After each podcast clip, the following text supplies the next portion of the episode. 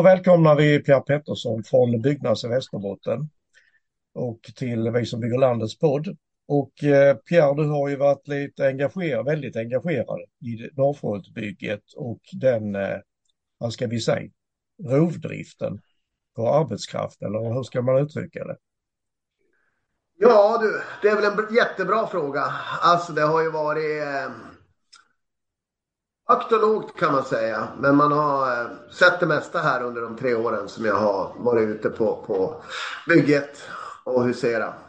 Mm.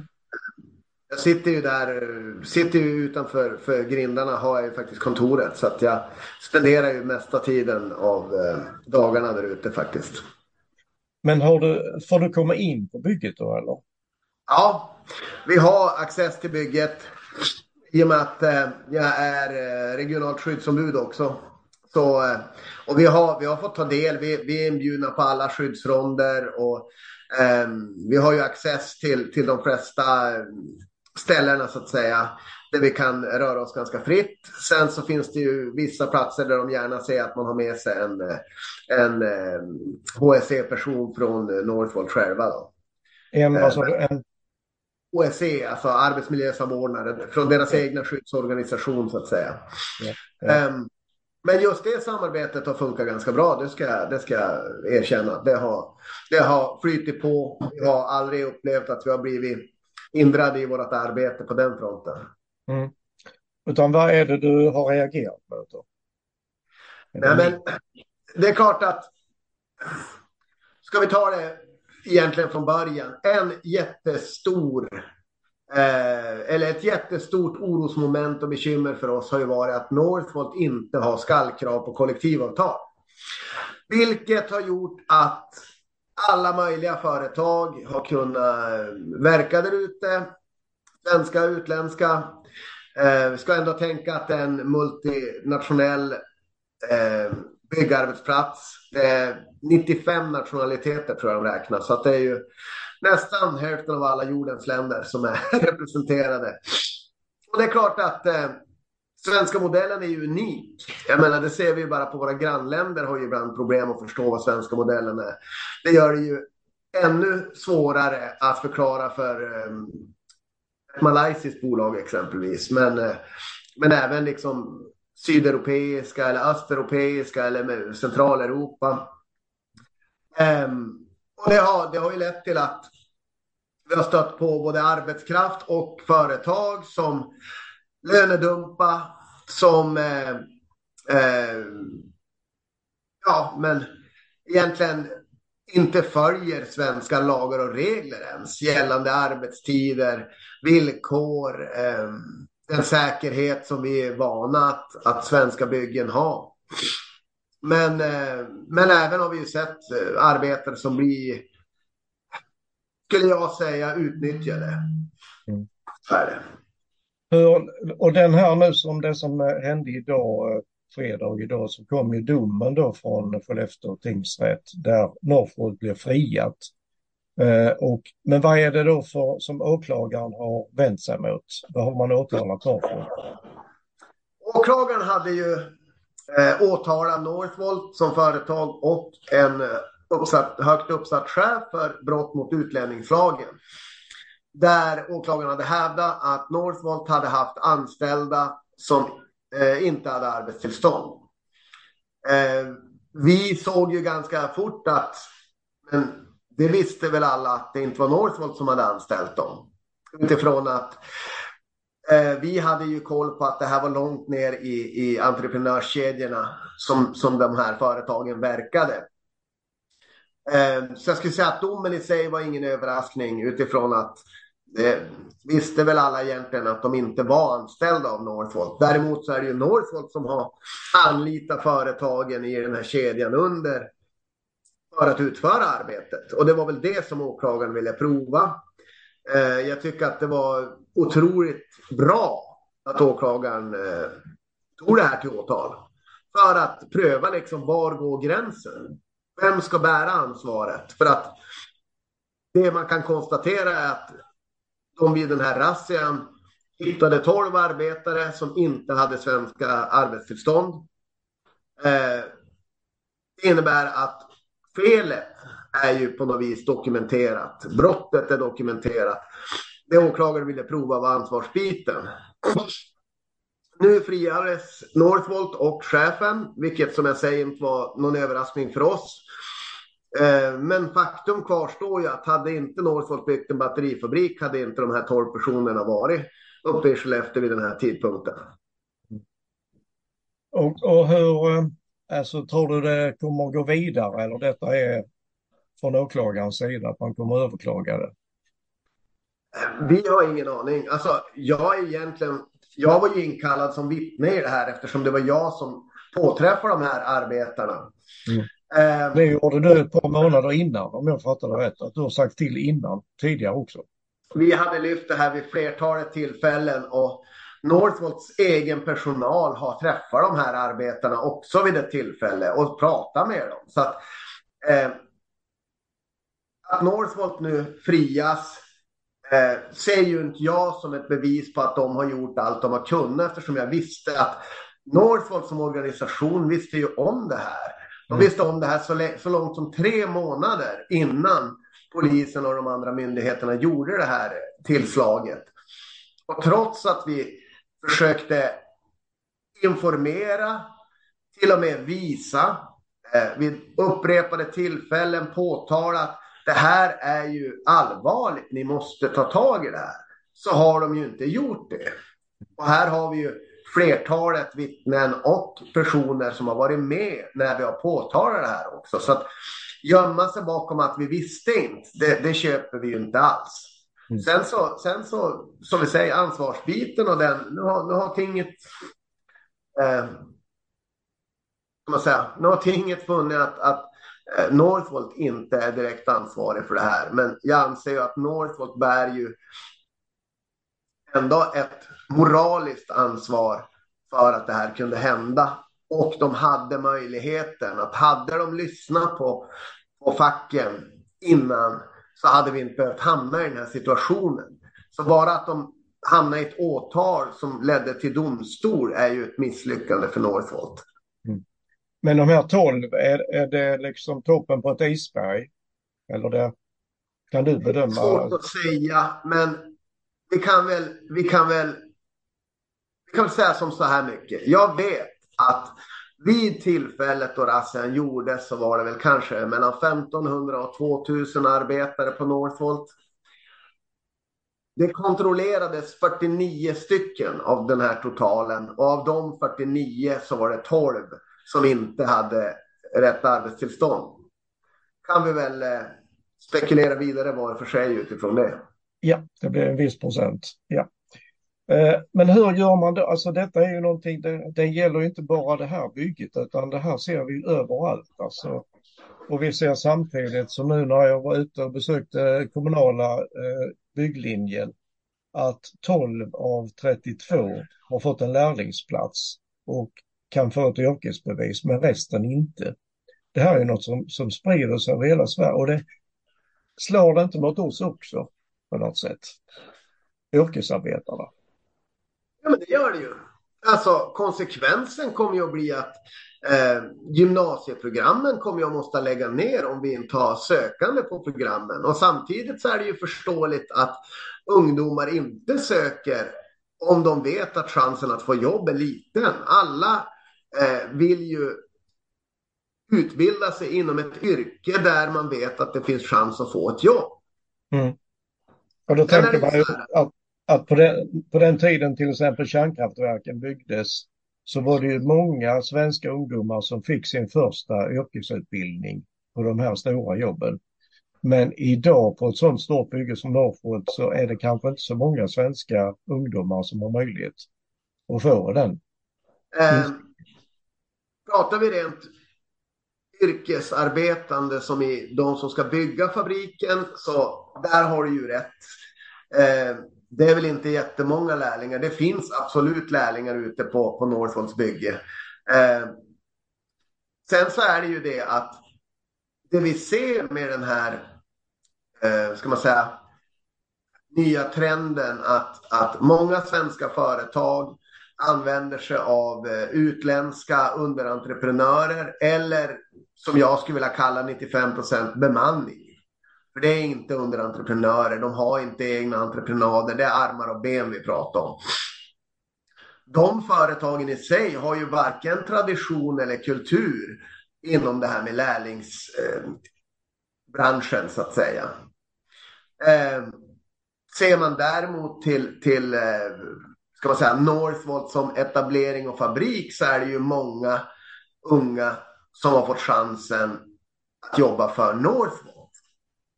Men, men är, då pratar vi om driftspersonal, då pratar vi om, om processtekniker och operatörer och sådär. Eh, rena byggarbetare, inte så mycket. Nej. Men hur gör vi då, alltså som, som byggnadsarbetare, att man vill liksom slå vakt om våra villkor? Då? För är, det, är vi inte ute på ett sluttande plan här på något sätt? Alltså, det, det, vi kan se i det här läget som, som jag har sagt från Byggnads hela, hela tiden, det är att vi behöver arbetskraftsinvandringen. Det är inget snack om det. Vi har inte folk så vi klarar det här med, med nuvarande eh, man säga, expansion uppe i norr. Eh, det är en jätteproblematik att folk inte vill röra på sig. Eh, I Skellefteå nu, trots lågkonjunktur, så har vi en av landets lägsta arbetslösheter liksom, överhuvudtaget. Det är inte många som är arbetslösa i Skellefteå. Jag skulle säga att vill man ha ett jobb och är Skellefteåbo, då får man ett jobb. Så att vi ser inte problemet. Däremot så ser vi ett jäkla problem med att företagen som kommer utifrån inte följer den svenska modellen. Att man inte följer eh, de avtal vi har i kollektivavtalen. Eh, det ser jag som det stora problemet. Och när de inte gör det så blir ju konsekvensen att de är billigare och kan då resultera i att när projektet Northvolt är slut och kanske de är etablerade i Skellefteå, då kommer de ju att kunna ta, kanske konkurrera med lokala företag om, om jobben som finns där. Och det, det är ju här, det är ju hela spiralen där som man ser. Men just nu under Northvolt-bygget så är det ju väsentligt att vi har liksom mängden arbetskraft. Mm. Ehm, jag tror att en stor del i det är att skulle vi få kollektivavtalskrav eh, där vi också kan göra en bra avtalsbevakning från Byggnads, elektriker, målare, alla liksom fackförbund. Då kommer det ju inte att bli billigare att anlita utländsk arbetskraft. Hur, hur, skulle, vi kunna komma, hur skulle vi kunna komma dit? För det är ju egentligen ja, men... den fackliga grundtanken. Jag menar så gjorde vi ju när facken bildades. När man folk kom från Småland in till Stockholm, underbjöd eh, murarna där. Ja, då sa man till att agera. Här, här har vi ju en stor viktig del och det är ju att företagen, storföretagen, politikerna måste ju eh, ställa kraven. Om inte storföretagen ställer de här kraven är det otroligt svårt för fackförbunden. Alltså, jag upplever att Sverige har ju inte hängt med i den här fria rörligheten som EU och EES-avtal har, har inneburit. Och vi, vi hamnar ju hela tiden på något vis på efterkälken utifrån att jag inte, vi har inte varit rustade för det här.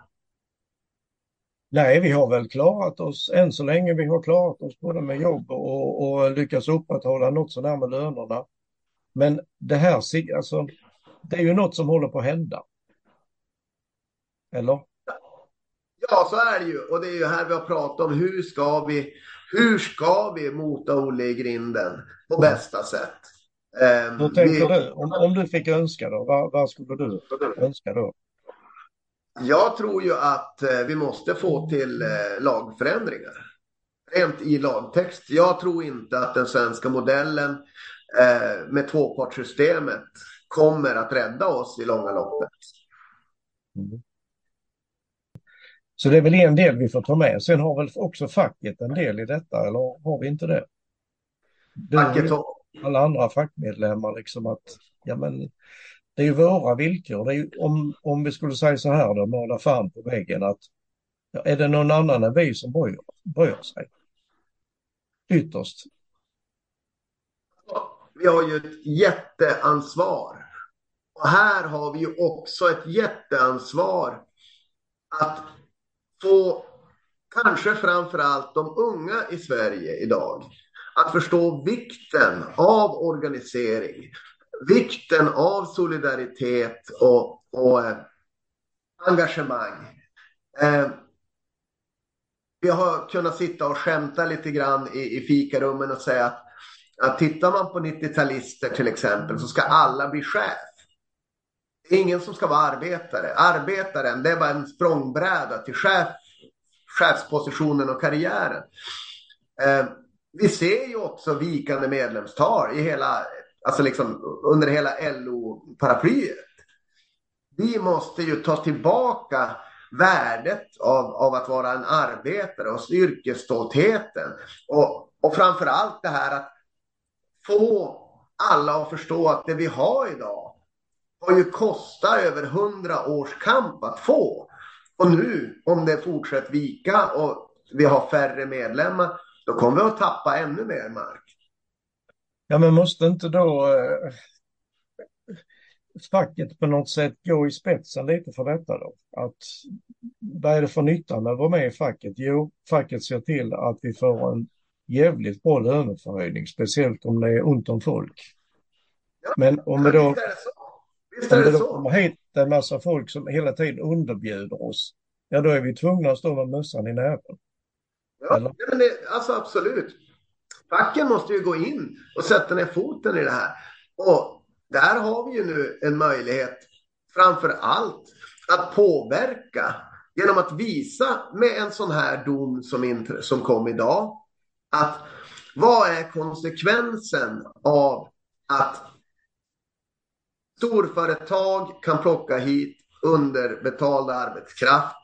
Ja, det var ju vi i facken som hittade de här. Det var vi som hittade de här arbetarna för att vi var där. Mm. Mm.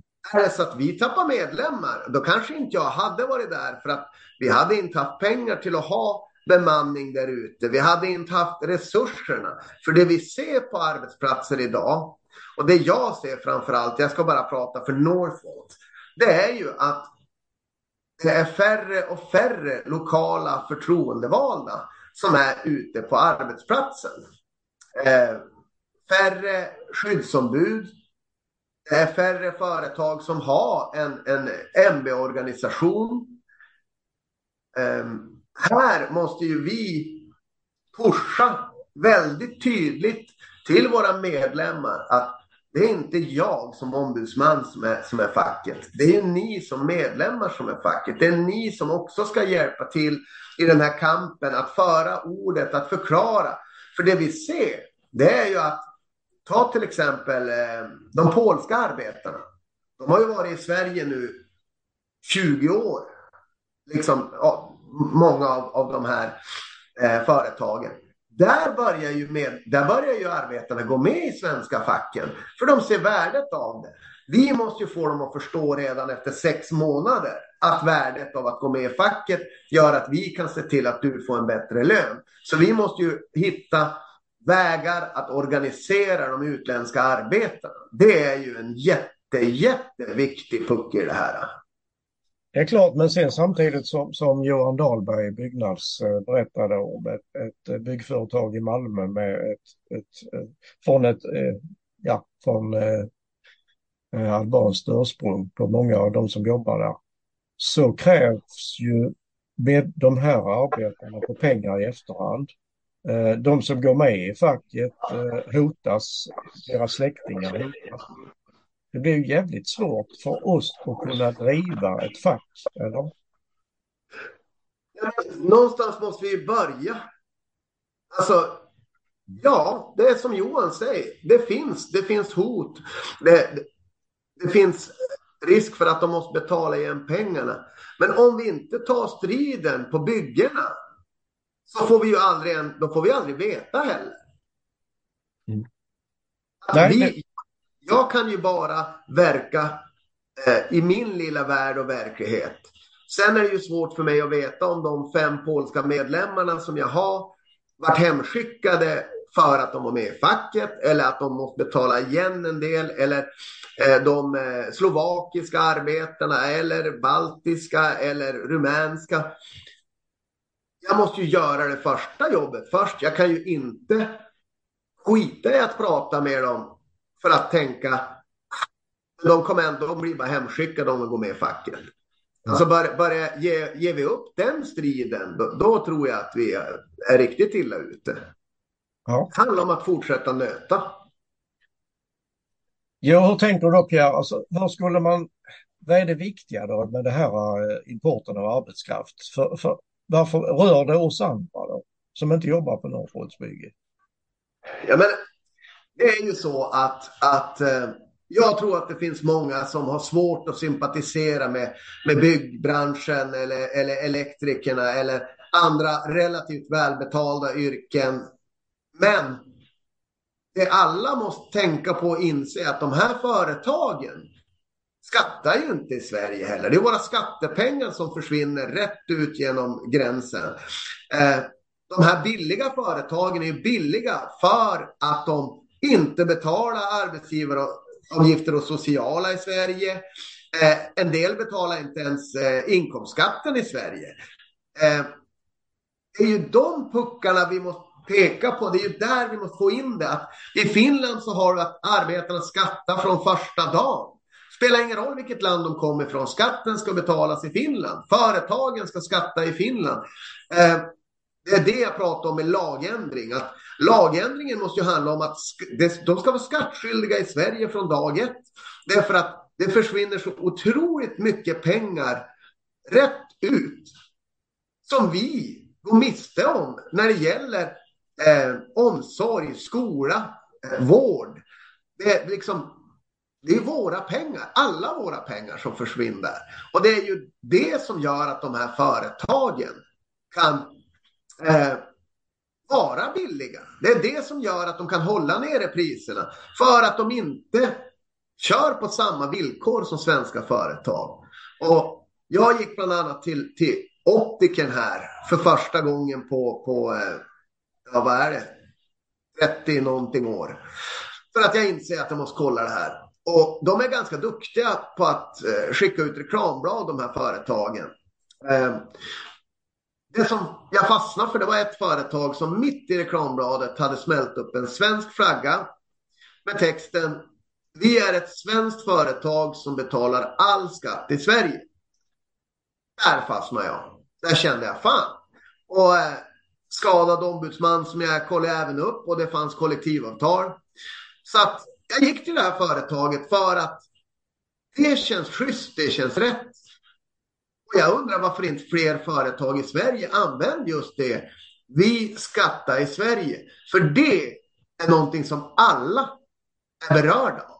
Det är våra skattepengar. Våra skattepengar gör i sin tur att vi alla får det bättre. Antingen inom vården för att vi behöver hjälp eller att när vi är gamla eller att våra barn som går i skolan får bättre förutsättningar med fler lärare och, och bättre läromedel.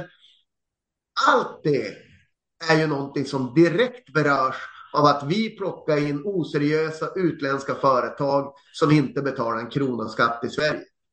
Ja, och sen får våra gamlingar inte hjälp och det finns inte skolböcker till våra unga. Nej, vi, jag håller med dig Pierre. Och, eh, men vi skickar väl en passning till lyssnarna att eh, håller du med Pierre i det här då att eh, det skulle vara ett jävligt bra eh, reklamtips till eh, svenska företagen att eh, ska, vi skattar i Sverige. Vi tackar dig Pierre. Tack. Och eh, önskar lycka till.